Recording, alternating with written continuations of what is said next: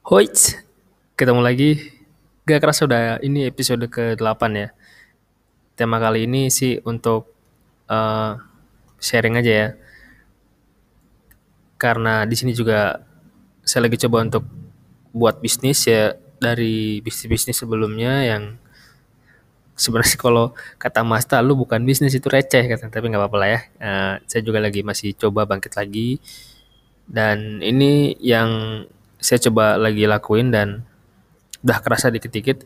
Semoga juga ini bisa bantu teman-teman yang lagi dengerin podcast ini. Selamat menikmati.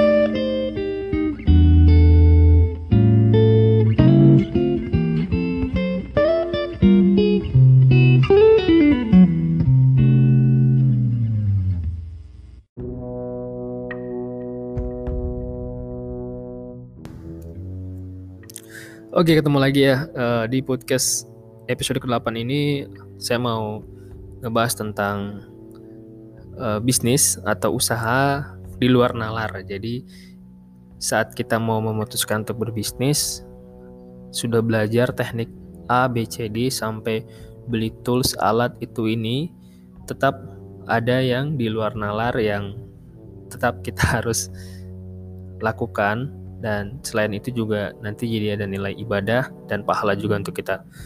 Dan ini juga sebenarnya sebagai uh, self reminder aja untuk diri saya sendiri juga yang sekarang lagi coba untuk uh, membuka usaha juga bisnis lagi yang masih kecil nggak ada apa-apanya.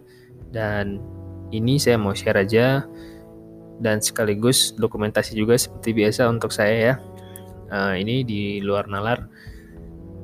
Jadi saat kita melakukan atau memutuskan untuk memulai bisnis, pastinya kita harus awal dengan niat. niat untuk apa sih kamu bangun bisnis gitu? Apa yang mau uh, kita dapetin dari bisnis itu gitu? Apa sih yang kita kejar? Gitu? Harus ada goalsnya, goals jangka panjang atau lifetime goals. Jadi uh, di awal dan di akhir tuh kita mau ngapain bangun bisnis? Dan kalau gagal gimana? Itu harus sudah jelas. Dan ada yang di luar nalar yaitu perkuat lagi agamanya. Jadi kalau misalkan agama Islam tentunya harus yang namanya sholat lima waktu wajib itu ya wajib. Jangan disunah-sunahin nanti-nanti. Tapi wajib itu dulu. Intinya uh, di luar nalar ini ada yang hubungan kita kepada Tuhan dan hubungan kita sesama manusia. Nah, ini akan saya bahas di podcast ini. Jadi, eh, dengan kita memperkuat hubungan kita dengan Tuhan, Sang Pencipta, itu akan membuat kita jauh lebih tenang dan rileks menjalankan semua cobaan, godaan, rintangan, semua yang menghadang kita itu jauh lebih rileks dan kita tahu semua ini hanya titipan. Oke, jadi jangan sampai kalau kita gagal bisnis kita pasrah nyerah bakal bahkan amit-amit sampai bunuh diri. Jangan sampai kayak gitu. Jadi perkuat lagi agamanya. Berikutnya juga uh, ini juga yang saya terus lakukan ya yaitu menjadi orang yang baik. Walaupun tetap uh, bukan manusia yang sempurna tapi berusaha untuk menjadi yang baik dan sempurna nggak ada salahnya. Yaitu dengan memberikan yang terbaik apa pun itu bentuknya untuk orang tua. Jadi untuk Anda yang orang tuanya masih ada, apalagi yang kedua orang tuanya masih ada, itu dimaksimalkan terutama ibu berapapun uang yang kalian punya alangkah lebih baiknya uh, belikan sesuatu yang sebenarnya mungkin kalau misalkan kasih uangnya kayak misalkan uh, anda gajian. Jadi Anda memutuskan untuk bisnis dan usaha itu tadinya agar Anda bisa lepas dari kerjaan Anda, tapi posisi Anda sekarang lagi kerja. Nah, Anda menyisihkan uang untuk bisnis atau usaha Anda juga, sampingan dulu.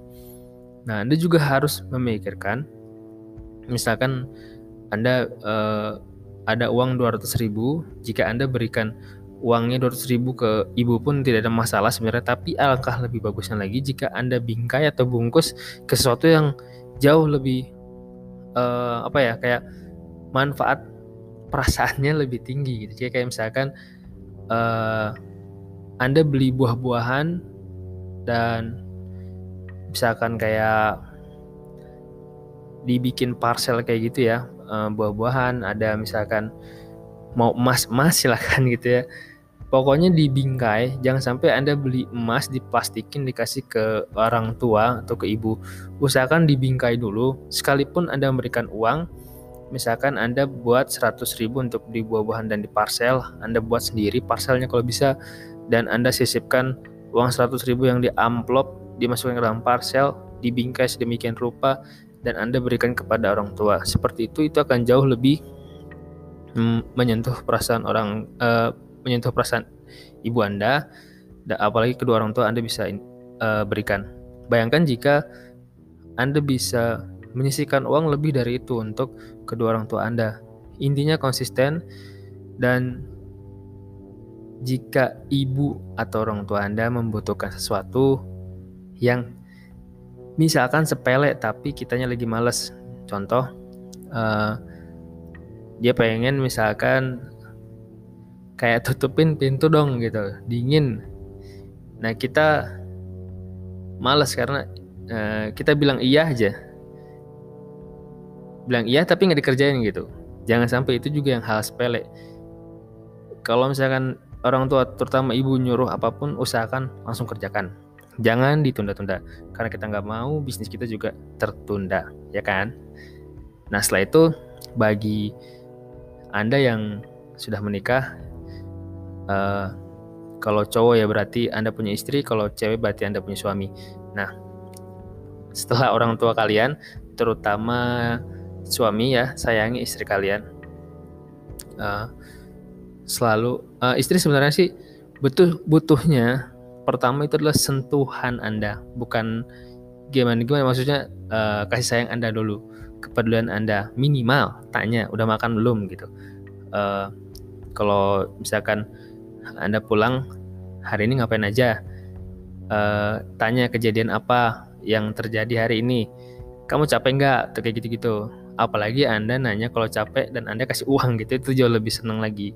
Dan kalau udah punya anak, uh, Anda datang sampai rumah sampai pulang kerja, uh, anak nyamperin secapek apa pun usahakan gendong anaknya atau jok ngobrol Nah nanti Anda pelan-pelan kasih tahu bahwa uh, Anda baru pulang kerja, kasih waktu uh, ayah untuk istirahat sebentar. Kalau misalkan Anda masih sanggup ya silahkan dilanjut sampai anak Anda terlelap tidur baru Anda istirahat sama istri Anda. Nah setelah itu Anda boleh ngobrol pelan-pelan bahwa Anda ingin membangun bisnis atau usaha dan ini mulai kecil-kecilan dan mulai dari menyisihkan beberapa pendapatan dari hasil kerja atau dari proyek-proyek sampingan Anda.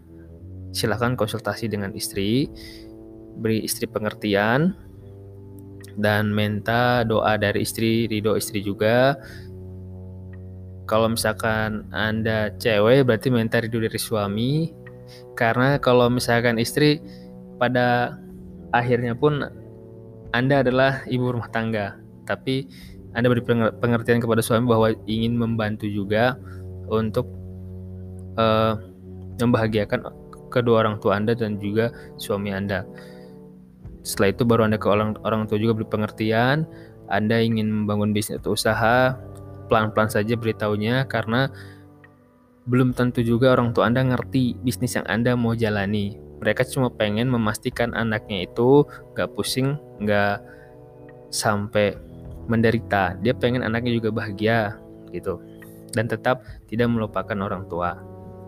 Jadi pelan-pelan anda harus sabar. Intinya sabar ya. Jadi anda mencoba jadi anak baik itu dengan cara diam saat dikasih tahu dan langsung kerjakan saat diperintah.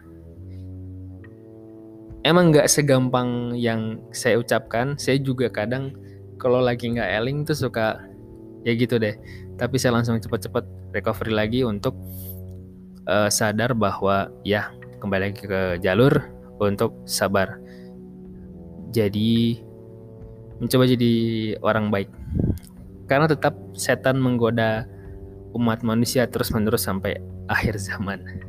Nauzubillah semoga kita dijauhkan dari semua godaan mereka. Nah yang berikutnya ini sedekah. Nah ini uh, di luar nalar juga ya. Jadi singkat cerita ini aja ya uh, dari beberapa keajaiban yang terjadi. Uh, ini hal kecil aja. Jadi pertama sedekah itu saya nggak mulai gede-gede. Saya mulai semini mungkin tapi ikhlas. Waktu itu uh, sempat saya cuma punya uang 4000 di dompet dan itu disimpannya 2000 di kantong baju, 2000 di kantong celana.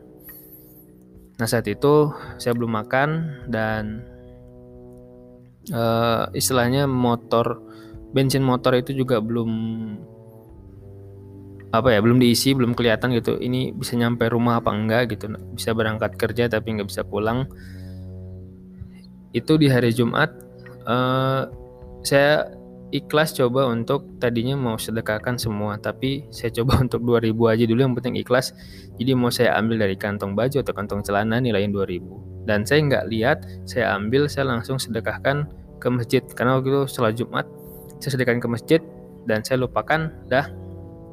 Artinya saya benar-benar nggak berharap apa pun tapi saya pengen uh, momen sedekahnya emang istilahnya saya belajar ikhlas dulu momennya. Jadi coba ikhlas dulu dan benar-benar keajaiban keajaiban dari Tuhan itu saya langsung di sore harinya ada yang telepon untuk dibuatkan website dan saya pun hari itu mulai istilahnya apa ya saya belum bukan ahli di bidang programming programming sebenarnya. Tapi ya karena saya mau belajar saya jadi dikit-dikit belajar. Jadi dapat project baru belajar. Jadi sebelumnya emang saya pernah posting di sosial media saya itu tentang website-website yang benefit dan kenapa sih bisnis terus punya website kayak gitu. Nah itu ternyata selang sekitar bahkan hampir satu tahun akhirnya ada yang menghubungi saya. Nah itu sedekah itu bisa membuka pintu rezeki yang tertutup terhalang kayak gitu ya. Dan juga bisa menghindari kita dari penyakit. Jadi bukan dibalasnya bukan hanya dibalas berlipat-lipat tapi bukan berarti kita dapat uang juga. Bukan kita sedekah uang dapat uang lagi.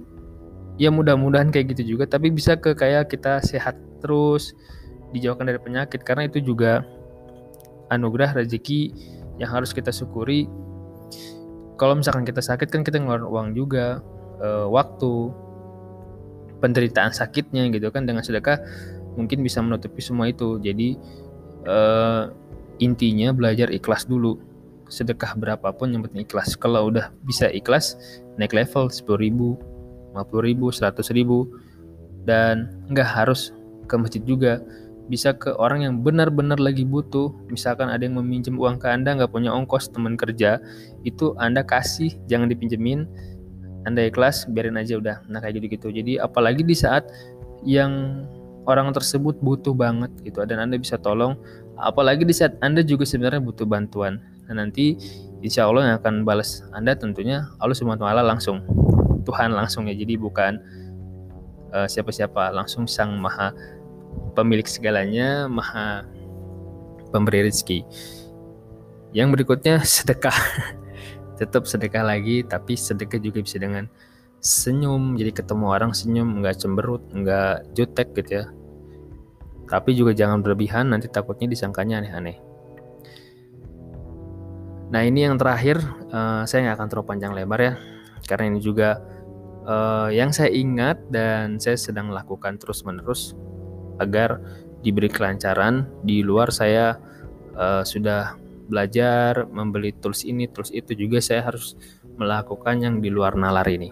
Yaitu yang terakhir adalah bantu orang-orang sekitar kita yang memang bisa kita bantu. Dan kalau misalkan kita kerjaannya misalkan nih ada di bidang administrasi di suatu uh, desa misalkan. Nah, ada warga kita yang butuh bantuan kita untuk membuat satu administrasi A misalkan Nah biasanya nih, biasanya kan suka dipersulit kayak harus ada ininya, itunya, terus ongkos ini, ongkos itu gitu ya, uang rokok kayak gitu-gitu misalkan. Nah kalau kita emang bisa bantu dia dan permudah, kita bantu, kita jangan ngarepin apa pun dari dia. Pokoknya kita bantu karena kita ingin mendapatkan ridho Tuhan. Udah gitu aja. Ridho Allah Subhanahu wa taala. Bismillah, bantuin. Kalau emang bisa dipermudah, udah permudah, jangan dipersulit. Karena percaya deh nanti giliran kamu atau Anda yang lagi ada kesulitan itu akan dibantu. Entah gimana caranya gak usah dipikirin. Dan bukan dari orang itu juga, pasti nanti ada pengganti dari yang lain. Jadi permudahlah orang-orang. Kalau misalkan Anda punya anak, nanti bisa jadi suatu hari itu anak Anda ditolong sama orang lain gitu. Jadi nggak harus langsung instan gitu. Istilahnya kayak bantulah orang nanti juga Anda akan dibantu entah gimana caranya. Nah itu beberapa uh, pandangan saya dan sekarang saya lagi juga coba ya tips aja. Semoga juga uh, Anda semua mendapatkan inspirasi dan kita semua diberi kesehatan yang baru mau mulai bisnisnya langsung lanjut karena kapan lagi? Kalau nggak sekarang semoga makin sukses lancar rezeki kita sama-sama saling bantu makin banyak. Semoga apa yang anda mulai ini bisnis anda bisa banyak membantu orang dan berkah untuk keluarga. Oke seperti biasa saya Pedia. Selamat malam